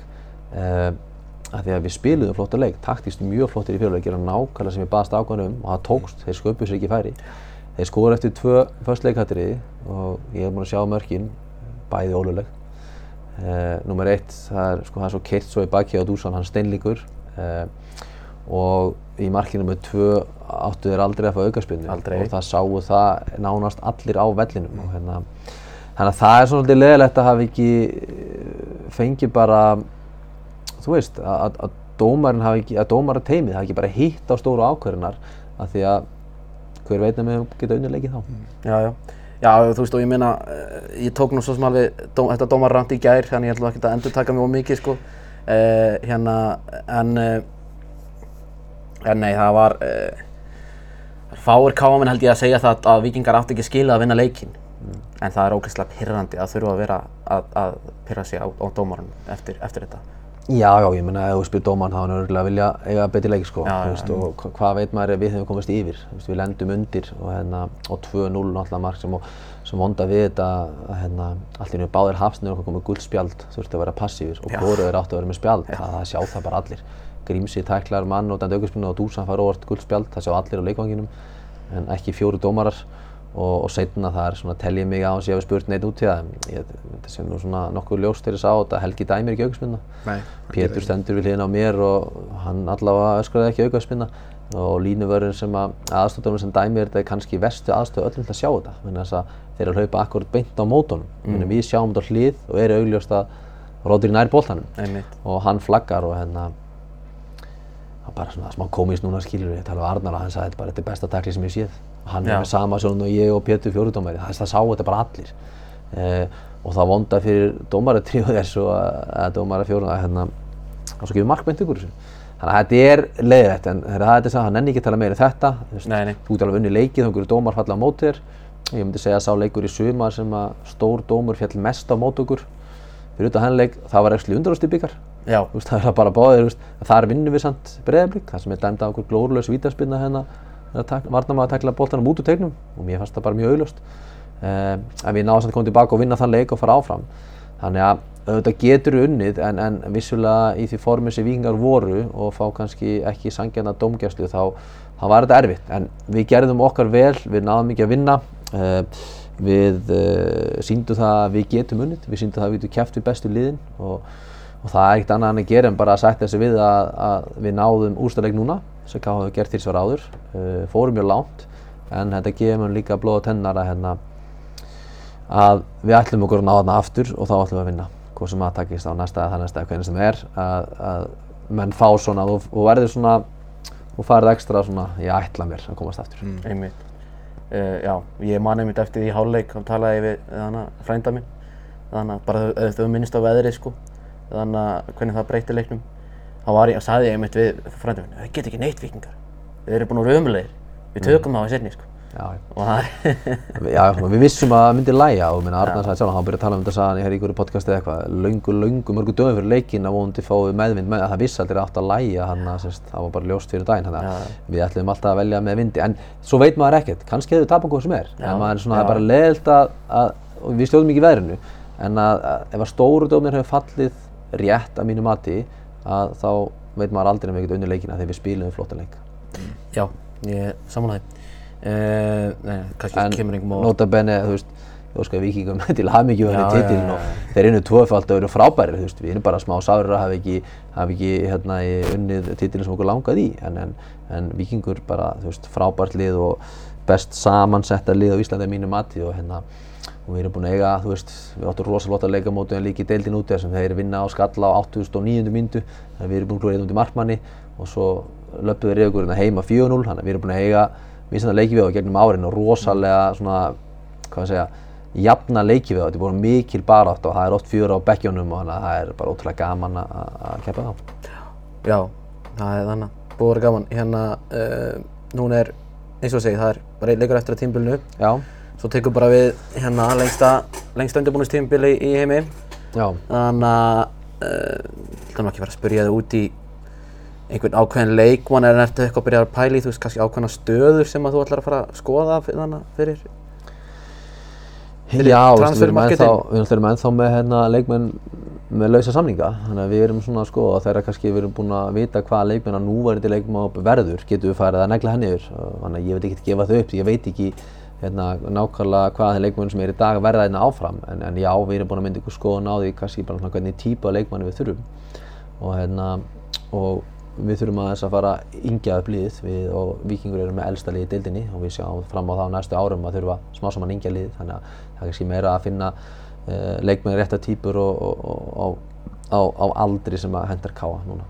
Og að þess að tala um tímbilið sko, og álægið sko, þú sagði þetta á langt öðru tímbilið við spilum 53 leiki á þessu tímbili við förum lengst náttúrulega við förum allarlega náttúrulega í kjarnahamótinu spilum úrstæðleikin við förum allarlega að spilum úrstæðleikin lengi byggar við förum allarlega að spilum úrstæðleikin í byggarnum við spilum allarlega í deild og sex eurubleiki ekkert kálega nokkuð tíma gert þetta. Þannig að þetta er svo svaka mikið álag. Mm. út af að við þurftum að spila alla leiki í Európa og útvöldi ég var að taka það saman hérna á henni komu við ferðumst í 24 leiki.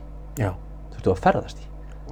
K.R. ferðast í 2 leiki árunu bara svo við skiljið aðeins munin og við erum hérna í sikkur sætinu sko. mm. að K.R. ferðast á móti K.A. í deild og Íbjaf í deild ég vonast ekki að vera með fleipur en við skoðum hérna bara eins og lengjubíkarn allt heimalegir þau þurft að ferðast út í leikur á móti fylki sko. þau þurft ekki svona að fara bara skaga og byggarn allt heima uh, þannig að og þeir voru í efriðumspilinu og, og K.A. og Íbjaf í neðriðumspilinu þannig að þeir ferðist í tvo leiki allt árið spáði muninum á aðstöðu fyrir liðið bara kostnað fyrir liðið mm. þreita og ég veit eitthvað þeir spila marga leiki en svo getur vel verið fara með náttmáli þegar það færist í þrjá eða fjóra en eins og ég tel þetta tveir að það er gríðalegu munur á því þegar við erum að ferðast og önnur lið og spila marga leiki.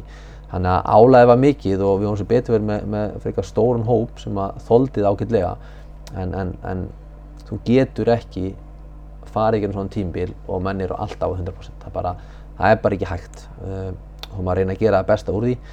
Uh, þannig að og tala um það kannski heldur erfiðara þegar maður er komin á aldur. Út með gamall lið að geta þóla það að spila þriðið hver dag. Já, já. það er bara mm. erfiðara þegar maður verður eldri. Kroppin ræður ekki við það og, já, fleiri konum fjölskyldu og svona. bara, og þú, þú þarf lengri endurheimt og er gamall. Og tala ekki um þegar endurheimtin er ekki góð því þú ert að ferðast og nær ekki að klára svefniðin og þannig að þetta er allt hluti sem að, hérna, við erum að, spá í og, og reyna að gera en, en ég reikna um að verði munir fari, fari hérna, út í leikir annars staðar. Já, já, ég meina að það verður líka þannig, gaman að fá vestra upp fyrir okkur káðamenn láta, láta þessi ena höfuborgarlið þurfa að ferðast aðeins, aðeins meira. Já, þetta er volið erfitt fyrir það ef að, ef að hérna, íbjáfnar halda sér uppi þá er þetta bara martraða tímbil fyrir liðin á, á höfuborgarsvæðinu ja, ja. Fyrsta lagi bara, þú veist, uh, gaman við að fá lið utan að landi. Ég, hérna, vestirinn alltaf hef ekki verið upp í úrústild lengi og hérna, ég persónulega hef bara einu svona á, komið á Ísafjörðu og þá er ég þryggjára manni gert í því sko, þannig ég lakka bara til að fara og spila þarna.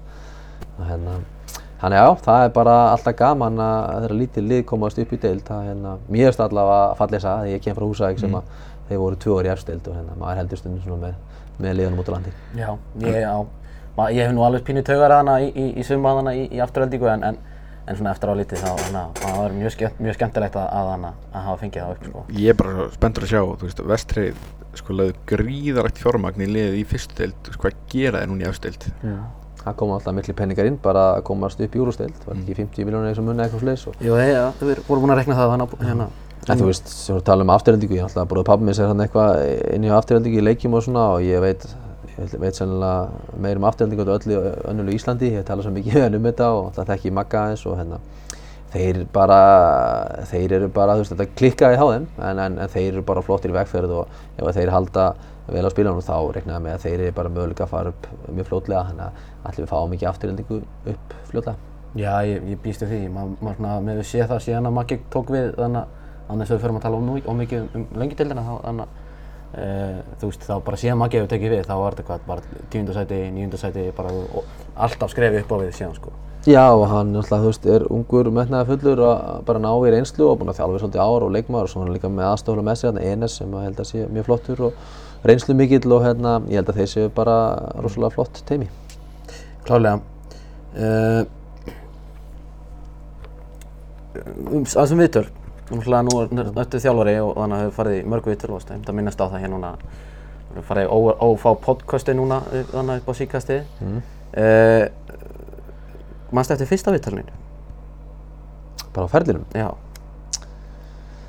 Nei, ég fór einhvern veginn í hinna hliðin á fótbolti.net þegar ég var mjög ungur. Já. Ég ætli það geti verið fyrsta vittarið svona allavega sem var skrifað eitthvað um. Ég, myndi giska á það. Um, já, ég man ekki eftir að fara í vital með ég var leikmaður Völsons allavega. Þannig að það er örugglega verið bara ég var í Þór. Hvenær, hérna, eh, hvernig hefur þetta va- vanist svona að taka viðtölu? Er þetta, er þetta, hana, finnst þér þetta skemmtilegt eða þú veist, er þetta eitthvað bara sem þú þarfst að gera eða? það er misjafnt sko, já, ég hef alveg gaman að að ræða hlutina sko og hérna, það er ekki skellast í heimi að fara í vitur eftir, eftir tableiki að ma- maður finnst kannski framastæðan ekki að vera góð hjá liðinu en hérna, já, já, þetta er bara venst og maður reynir bara hérna að svara til bestu getu og vera einlægur og raunsær sko, ég hérna, þannig að þetta er bara hluti af starfinu og hérna, eitthvað sem mér finnst ekkert ekkert óþægilegt, ég er heldur ekkert að sækjast í þetta ég er ekki hringið og býðandi viðtölu eins og sumir hafa gert, ég bara, hefur komað þá komaðu og að svara eftir, eftir bestu getu. Hver er svona leiðilegast spurning sem þú farið eftir leik? Spurt, við erum spurt nokkra leikmenn að þessu, það er einhver sem hafa nefnt að þið veist leiðilegt að þú veist, ef við tala um marki sem skora, bara hvað, hvað þið voru að gera. Já, Já, uh, þegar kemur eitthvað svona, veist, eftir tapleiki eða eitthvað, þú veist, af hverju byrjuði komuðu ekki tilbúin til leiks? Þetta fyrir rosalega tökum. Það er sem að geta ekki tapað leik en komið tilbúið til leiks, Já. þú veist. Þú veist, ef að kannski leikunni byrjar ekki vel, þú veist, menn voru bara ekki klári í leikinn, þú veist, menn er ekki klári í leikinn, þú veist, þú er búinn að mæta hérna að vita þetta í marga dag, þú voru að keppa og búinn að hýta upp og peppa henni í klefa, þú veist, klári í leikinn. Mm. Uh, þetta er þjálfari, þú verður einn og einn leikmaður eða einhvern off dag eða í eitthvað erfitt eða hvað veit ég skilja en, en liðið mætir ekki bara, úps, það er allt í nýju leikur menn eru klárið í leikinn, svo bara er alls konar sem getur gerst, þú byrjar vel eða byrjar illa eða byrjar vel en hitliði skorar og leikmyndin breytist og þannig að að menn sé ekki klárið í leikinn það, hérna, það fyrir töðan ég spyrja því já. En hérna, uh, eitt sem á, svona, við höfum verið með á, á spurningalistanum lengi um, við erum með þess að unga, unga menn að við erum svona erfitt að spyrja þeim, kannski auðvitað að spyrja þig hérna, hvernig finnst þér æfingakultúrin hafa breyst á, á, á Íslandi? Kannski bara svona frá því að þú byrjar hjá Völsungi og ferði yfir í Þór yfir, yfir í, hvernig þetta er núna? Uh, það er bara miklu betri aðstæða og menn æfa meira um, allavega við hérna í Káa núna við æfum meira, fleiri æfingar þú veist, á veitnar erum tv- tvota vikunar æfum við tvisvar á dag fótbolta. Og svo þeir menn fara með inn í ræktina oftar og þannig að það er svona meiri þannig en, en sko sjálfu kúltúrin mér veist við sakna aðeins svona mér veist vera færri og nú er ég að gaggrinni sko, mér veist við hafa færri og færri svona alvöru karaktera Já, mér finnst þeim vera að fækka.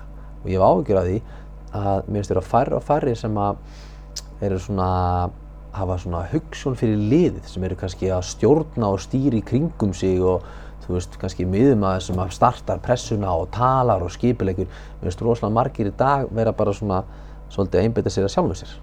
Og ekki með svona einhver heildar mynd og ég hef spáðið af hverju og þú veist og svo eru leikmenn í dag uh, óþólumóður en þeir voru hér í árungur maður vissi þetta var langur prósess sem að kom frá húsæk þú ert að standa vel hérna og þú ert að bæta og svo fyrir þú aðgjörð að bæta þar og svo komast í kefla og ég þarf að vinna í sjálfum mér og svo kemst ég út. En hérna er menn búin að spila eitt já, tvo, þrjá góða leiki þá er strax komið sko hvort eitthvað erlend lýs ekki að fara að kaupa mig. Já, þú veist, og, og það er svo margir fjölmiðlar og allir að einhvern veginn að koma með headlines en það verður oft svo yfirdrifið það er fyrir að átta sig á því hvað er eðlið leið til að komast einhvert eh, og ég veit ekki þú veist, þegar ég var ungur og, og, og fara erlendis að það fannst mér, mér líður þannig eins og kannski átta af hverju tíu sem komast út þeim eikuð úti. Já, í dag komast allt of margir út og, og rosalega margir þeim koma, fara bara heim aftur. Hvort sem það er höfðu sko alltaf ef þú ekki getur alltaf að komast út þá kemur heim. Með margir sem að hafa getuna en það er eitthvað annað sem klikkar. Það er karakterinn, það er óþölumæðin eða get ekki staðið eigin fótum í landi þú veist, mér veist þetta ég veit ekki hvað þú segir, maður línast eða hvað en þú veist svona, mér veist þetta smá ágefni og til dæmis í dag eru rosalega fáir sem að eru með taland á æfingum. Mér finnst það líka ágefni og að því að þú þart alvöru karakter og þart talanda og þart menn sem hugsa um heildina ekki bara sjálfa þeir eru búið til gott lið Heldur þetta sé eitthvað í bara yngri flokkunum þá sem er þá að að klikka þannig? Gerfigræðsvæðingin, sparkvellinir. Já, ég er svo sem ekki búin að meta en ég bara, set eins og í mín spori, ég var ungur uh, og flestir á mínum aldri, þeir æfðu innanhansfókbalta. Þú veist, það var ekkert komið ger, er ekki bara keflaði hvist að gera eitthvað svolítið, hvernig kom hún? 99 ekki? 99 skiljið, þú veist. Þannig að þá er ég hann 13 og hún er hinn um enda landsins, sko, ég fór ekki oft þangað. Að þarna varst að æfa á litlu svæði og sem dæmi, nú er ég bara nefnið dæmi, í innanhansfókbalta, það voru fjórir og fjórir og svo markmaður, að þetta var svo lítill völlur að þú varst ekki að vinna vel með strákurum í kringu þig og eitthvað klikkaði þá var bara komið færi strax og skorun hans hvað sem er frá miðjum. Þannig að þú varst, svona, þú varst neittur til þess að virkilega spá í fyrirhálfum í kringu þig tala ef að hann fór upp þá áttur að bakka hann upp og þið unnur svolítið taktist saman. E, þetta er búið í dag í dag þegar þú mætir með krakka æfingu þá lappar hann í bóðan, það eru 120 krakkar inn í bóðan og það er skiptingur, holf og stöðar og, og skilji, það er svo mikið þetta er bara allt öðru sig og við, við erum ekki nógu mikið að, að kenna krökkunum að þú ert einn liðseld inn á vellinum e, Ótöðin satt þá, þá, þá þekki ég þetta þótt ég sé nanna, e, svolítið yngri sko. Mm. Ég hef voru að æfa Dalvík þá vorum við nanna, á, á vettuna inn í, inn í húsi sko. já, Þannig að Dalvík var svolítið eftir að það en, en, en, en, ég þekki þetta, þetta er, þannig að þetta er, mikið til í þessu, ég hafði ekki pælt í þessu. Nei, ég, ég, þetta er svona, allavega þarna lærði ég hvernig þú ert að vinna með öðrum og hvað talandi hjálpaði og veist, ef að pressa klikka hvernig það bregðast við og svona.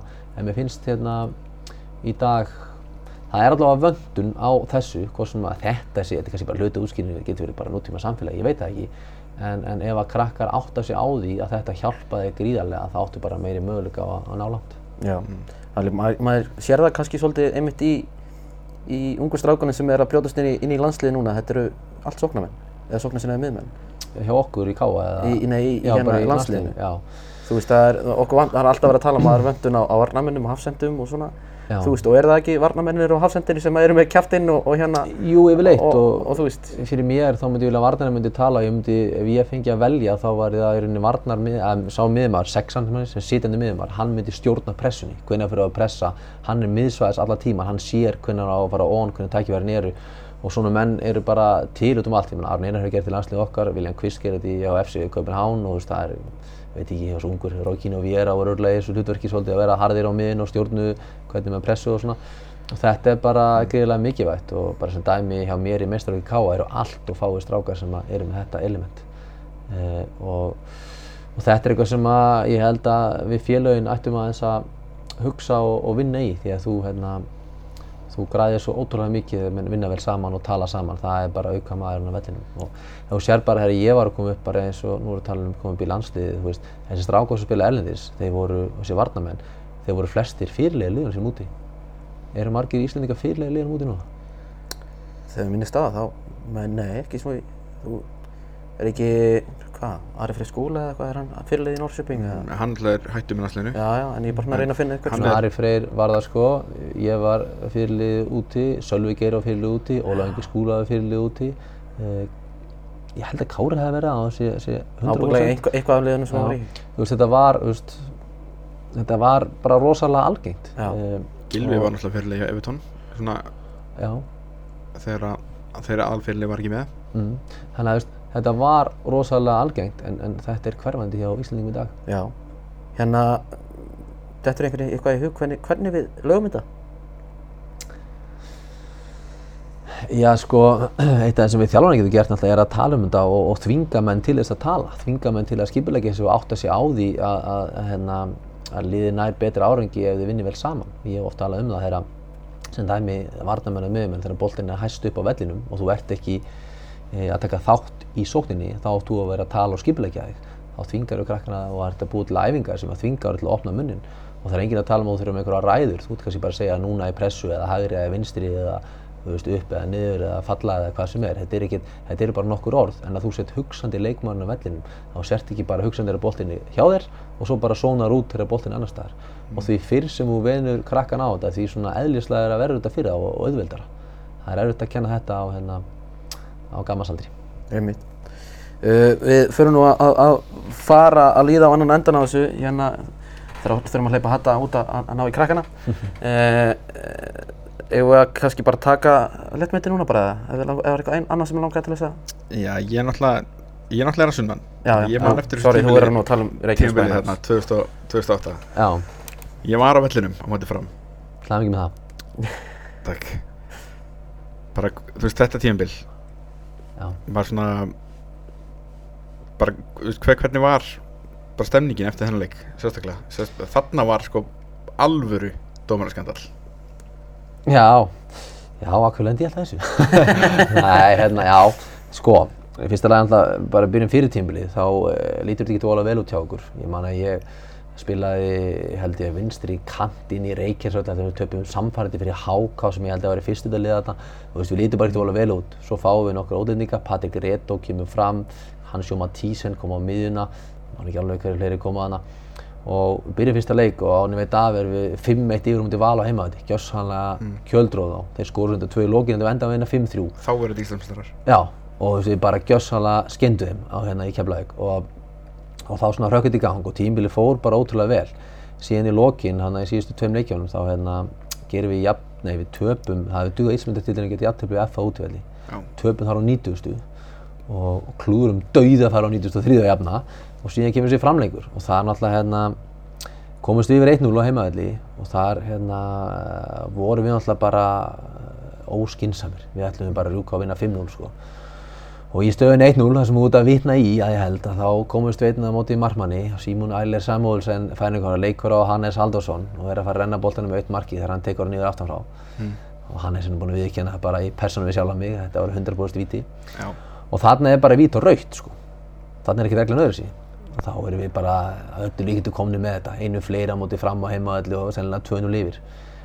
Uh, en dómari leiksins uh, fannst ekki verið viti sem er óskiljanlegt. Og, og við síðan erum bara óskilsamir, sækjum bara nýju mönnum og ég var alltaf bara kottnungur hann í vörninni og svo komum bara skindisóknir og, og þeir skóra einn í slíkri og allt er bara 1-1 og þá kemur bara panik og við náum ekki nógu góðan tökum á leiknum og, og töpu leiknum 2-1 og FH er ísmestari og svona, ég man Óli Jó var að orska með til hamingi með titilin eitt um hann er í hitta á hann sko, laungu fyrir þetta. Og var svo, hann var hann landstjálfari sko, og þetta voru svona nokkuð ljóst, þannig að okkur tókst einhvern veginn að að klúra þessu og fyrir mig var þetta erfitt en eins og ég sagði hérna í öðru podcasti fyrir dag að þá hérna að þá held ég þetta að vera erfiðara fyrir flesta aðra en mig, ég tók þetta sjálfsög inn á mig, það sem gerist bara í framhaldinu að bara tvei vikur setna þá upplýði ég drauminn þar sem ég kemst út í atvinnumennsku mm. og þá var maður fljótur að gleyma því að einhver títil á Íslandi, mér fannst það bara ekki nærðu því komast í skilji hálgustu það sem ég á búin að ná mínum draum.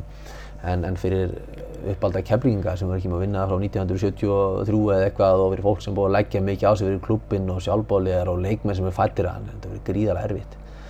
Og eins og ég, við upplifum þetta rosalega ósangjant það sem fólk ég veit ekki er að í leiknum á móti FA það spilar ólulegu leikmaður leikinn á móti okkur og var frábær, Dennis Sím varnaðamæður held ég að heiti hérna í, í Já, FA já, Mm. og svo útgáða sem ég heyrði var svo að hann átti að vera í banni og KSI glimti að setja hann í bann. Uh, og við bentum á það og þá var þannig reglan að það er bara haldið funda á þriðu degi og leikurinn okkur um helgina það var ekki komið nýr þriðu dagur það gerum mistök á þriðu deginu sem dæma hann í bann. Og eins og ég er í söguna þá er hann hann að sko. heimaliðið sendi skýslu undir KSI og dómarinn gera það. Þannig að FH sendi skýslu undir KSI í leiknum undan og glemdi inn að gæsarappa að merka spjaldi á Dennis Sím vitandi að hann ætti að vera í bann. Dómarinn senda skýslu undir KSI og þar er hann með spjald og KSI gerir sig að þau mistök að kíkja bara á skýslu FH ekki dómarinn og yfirsa spjaldið. Og þið geta alveg reikna át menn sem er í stjórn hjá FH og voru líka í stjórn tíma. þannig að það komu alls konar hugsanir þarna í keflaðið bara Calciopoli Íslands Ég maður. man, þannig að já, ég man líka eftir þessum FH-leik að þegar Tryggvi skorar hérna þriðamarkið já, þá tekur hann hann svona ja, dans upp í stúku sem var ekki vinsælt. Nei ég held að það hefði farið miklu meiri töðunir og flestum eru með mér sko, mikið ætir ekki með þetta tryggvi dans ykkur fárlega en dans. Ég á bara pyrraðar að hafa ekki tryggt titilin hana og svo hugsa maður bara fókitum við tryggjum maður bara á móti fram? Og svo klikkaði það líka. Já. þannig að mér er aðra svona sko ég persónulega uh, græt það ekki að önni mér er svona líður aðeins illa. Það er rosalega gaman fyrir fólki í Keflavík. Mm. þú veist að ég hafi kannski fyrir mitt liti komið aðna unnið báða titlana, byggur en auðvitað er maður ánæður og stoltur og maður hitti fólki minnast á unnu byggjarnir saman, óslega gaman. En það hefur verið rosalega gaman svona, fyrir fólki í Keflavík að hérna að, að upplifa að vinna ísmyndartitilin það hefur verið mjög sætt en, en það gekk ekki og, og það er bara hannig, það gengur ekki allt í bjófalda Nei, þetta er einmitt hvað síðasta tímbili sem að má alveg segja að Keflæk hafi gert eitthvað í afstild Já, nú bara, já, ég held að allavega ekki unni neitt Nei, við unnum fóru í- 2006. Tvísar núna á frekar stuttum tíumbili farið fa- fallið svolítið illa sko. Já, já, já, Keflavík hérna, eins og segjum, maður þykir vantur Keflavík og fólki sem vinnur í kringum félagi, það er nú yfirleitt þannig, er, nú er ég að vera í nokkur félögum og nokkurum löndum, það er einhvern veginn svona sem situr mest eftir náttúrulega eru liðsfélagir svona næstir og síðan fólki sem vinnur í kringum klúbin, fólk, klúbin fólki sem kannski jafnvel í sjálfbóðinni að fá lítið fyrir að vinna. Þú veist, þegar ég fætti keflaði og þá helsa ég ennþá hérna Dóa sem sér um búningana og, Hjördísveginn sem er í stjórninni og sko, örvari sem að tekur myndir skiljið, þetta er ekki fólki sem var þjálfarið minn eða var hérna, uh, þú veist, það er þetta fólk sem að brennur fyrir klúbin sem að þykir vænt um klúbin og þú svona, kannst svo að meta þetta fólk og mann þykir svona, mann þykir vænt um þetta fólk. Um, og þetta fólk er enn í Keflavík þannig að maður ætla bara að vonast til þess að að þetta fólk haldi áfram og, og Keflavík uh, drífi sig upp aftur því að Keflavík áður úr styrst okkar Eitt svona að lóka með þetta, þannig að það hafa verið sögursagnir um að, að Bói, aðstofþjálfæðin, fari í þannig að Keflavík og þú fáir til þín Atlasvein, hann er mikla káamann. Eh, Ángar eitthvað að kommenta á það sögursagnir? Nei, eina sem uh, vil kommenta á það er, er það að stefnir í að Bói fari og það er að fjölskyld ástæðan. Við erum rosalega ánægði með Bóa og við vinnum vel saman, hann vinnur vel með teiminn og yngir okkur eru mjög ánægði með hann og með allir henni öðruflokki sem fór upp í A-deild og stóðu sér frábæðilega. Það er mikill missir á hann. Uh, hann er að fara flytja til Keflavíkur en það er ekkert ljóst hvert hann fer eða hvort hann yfir höfu fer í þjálfun og ef hann fer í þjálfun hvort hann fer í meðstofastjálfun. Þannig að það bara kemur í ljós en ég meina það er eðlitt að nafna Atlas Svein komið upp. Veist, hann er hérna alltaf bara kámaður og frábær strákur og búinn að þjálfa uh, mikið og, og, hérna, og var að hætta í sínu starfi. Amen. En veist, ég hef ekki talað við hann og ég, við erum ekkert komnið þangað að vera hérna, að tala um einhverja mögulega þjálfara til að koma inn í þjálfara til með káa. Nei, ég er allavega sem, sem káamar myndi, myndi þannig að vera ánægð með hann. Já, eh, já, já, ég meina einu sem ég veit um hann að að hann er toppstrákur. Já. Mm. Uh, er ekki bara aðeins að taka smá léttmæti og, og, og slöfa þessu. Já, Þannig að ég klikaði á því að beðið um að gera sjömanlið þannig að ég ætla ekki að láta þið gera það on the fly þannig að það verður bara ekkert í dag en þannig að hefur þú eitthvað spilað FIFA? Uh, nei, Nei. það er bara mjög lítið þegar það var krakki, sko. Við ætlum að hérna búa til þig í, í FIFA. Já, og gera svona, kom, koma með svona mynd á, á Instagram Man, þannig mannst eftir að fengi ekkert um svona ultimate spil? Eða svona að þú hafi verið, verið í FIFA? Mm, nei, sko, þegar ég var í Danmarku þá fengu, þú vorum í leiknum og fengu alltaf gefis inntak og ég gaf alltaf einhverju krökkum þetta, þannig að það er örgulega verið eitthvað spjald þar, sko. En, en annars, hérna, Sónu minn spilar þetta og kemur alltaf og sýnum einhverju tölur og eitthvað. Ég verð að viðkjöna, ég hef ekki mikið skilning á þessu. Nei, það verið flott fyrir að, að búa þau til hérna, þú getur sýnt honum á Instagram hérna, að Já. þig, þig sem, sem, sem, sem, Sem leikmann eða þjálfara? já, sem, sem leikmann, það er leiðilega að búa, búa þig til sem, sem þjálfar. þá höfum Bara, ef ég fæ 10 finishing, það er einu sem byggðum, þá er ég sáttur. Þetta er 0 upp í Já, 99. nú við þau fyrir ekki, þá 99 Já. í finishing. Þú, þú ræður bara. Ég veit nú hvað þetta er, ég hann er búinn að sína mér þessi spjöld á Ronaldo og Messi og hvað er tölunar og svo. Þá bara, bara þú fara að velja, Á ég að fá að velja? Þú færð að velja Já, Ég fyrir hérna- aðeins að mata völsingum, ég er ekki alveg með að reyna hvað þessi spjöldi virkar. þú bara gerir, byr, byrjum á að velja bara pace, svo hraða og á 0 upp í 99. Já, Bara eins og ég enda í K.A. var að tala mjög lág. það var Nei, gaman. bara höfum við á toppnum bara. Sérst 50 meðalhræði eða eitthvað. 50, já, 50 er, er þannig að það er svolítið hægt sko, það, það er nú, það er engin í þú veist 10, 20, Nei. 30, það er, Já, ég svona- myndi segja að 60 var í meðalhraði. kannski 60 meðalhræði. Harry Maguire held í 39 Já, ok. Ef 60 meðalhræði þá segja ég að vera svona 67. svona. Ok, og shooting, þá, hvernig, skot, þetta er Það er pow- finishing. finishing og, og shot power og Já, mér langar svona- að ljúga og segja 99 sko, en, en í finishing, ég, ég átti að spila stórhund af meistarhúsælið mínu, ég bara, finishing, við höfum það bara, ég, myndi segja 61, aðeins yfir meðalhræði. Já, já, það er bara fínt fyrir hafsend. Mm. Hérna, passing, sendingar. Uh, þegar ég spilaði vörn fannst mér að vera með góða sendingar uh, þegar ég spilaði sérstaklega Erlendis á miðunni þá voru menn með betri sendingar en ég þannig að ég myndi segja þess að varnamaður var þetta eitt af svona hærra sem ég er með ég myndi segja bara 80 Flott. Og dribbling, reykja boltan. Þú varst varstu ekki að taka neina svona Ronaldinho og hérna, og náttúrulega ball control og já, já, bara dribbling. Já, já, já, aftur, ef ég lítið á þessi varnamann þá var ég sterkur þar. Ég ætla að segja eh, 78 já, defending. Vör, það er eftir þar. já, hvað defending, er það bara inn í allt Bara- bara, taktist og duels og allt? Já, bara alls konar, bara tackling og alls konar heading og Á því, ég er ekki alveg fyrir hvað til vel, kannski að reyta með allt og átt. Nei, nei, við, við erum bara, við erum á íslenskum standard sko, þú þarft ekkert að beira þig sama við Van Dijk Það er sannlega ætti að vera hæst að tala mín, þannig að höfum Já. hann aðeins aðra heldur en Svona til að gefa þér eit- eitthvað smá hugmynd þá er til dæmis Birnisnar Ingersson, hann gaf sjálfum sér 99 í dribbling. Já, Já, sæl. Ég, ég er ekki þar. Hann er mjög góður, hann Já, ég segjum bara að ég hef verið í dribbling eh, De- defending. Já, defending fyrir Já. ég Já, ég ætla að fara þar í 85 85, bara solid sko. Og physical þá síðasta. það er þá stamina, strength og Já, ekki, úthald og styrkur og, Já. og, og, hopp held ég líka. Já, sko, ef það er ekki træðin í þessu Það er ekki hræðinni. Æ, þá er ég bara frekar hár þannig Já. Ég myndi segja 80 80, gegja. Og bara overall, bara segja einhver starf, einhver starf, einhver starf mill 80 og 90. Er þetta með við íslensku deildina? Já, Já, uh, já, já, vil ekki bara leiða ykkur að dæma þetta. Ég veist kjánulegt að ég er kannski ekki alltaf háar einhvern veginn hérna segjum 86. já, segir jú, jú, það er svona lang flestir hafa sett sér milli 82 til 84 Já, já, en þetta- Hatti var fullt af landsleikjum og það er enda góða punktur 80 86. Sko ég það bara ein, einni tölu betur en Baldur Sig þá er ég sáttur Ef hann fyrir 85 þá er ég sáttur við 86 Við erum eftir að fá baldur en Já, en- þá bara gefa hann 85 þá skal ég sáttur við 86 Já. Já, við, við, pössum að þannig, þannig að ef við fáum baldur þá, þá fær hann 85. Herðu, þannig að bara frábært, takk fyrir okkur, Já, takk fyrir sömuleiðis. bara takk fyrir stundur. Takk hérlega fyrir mig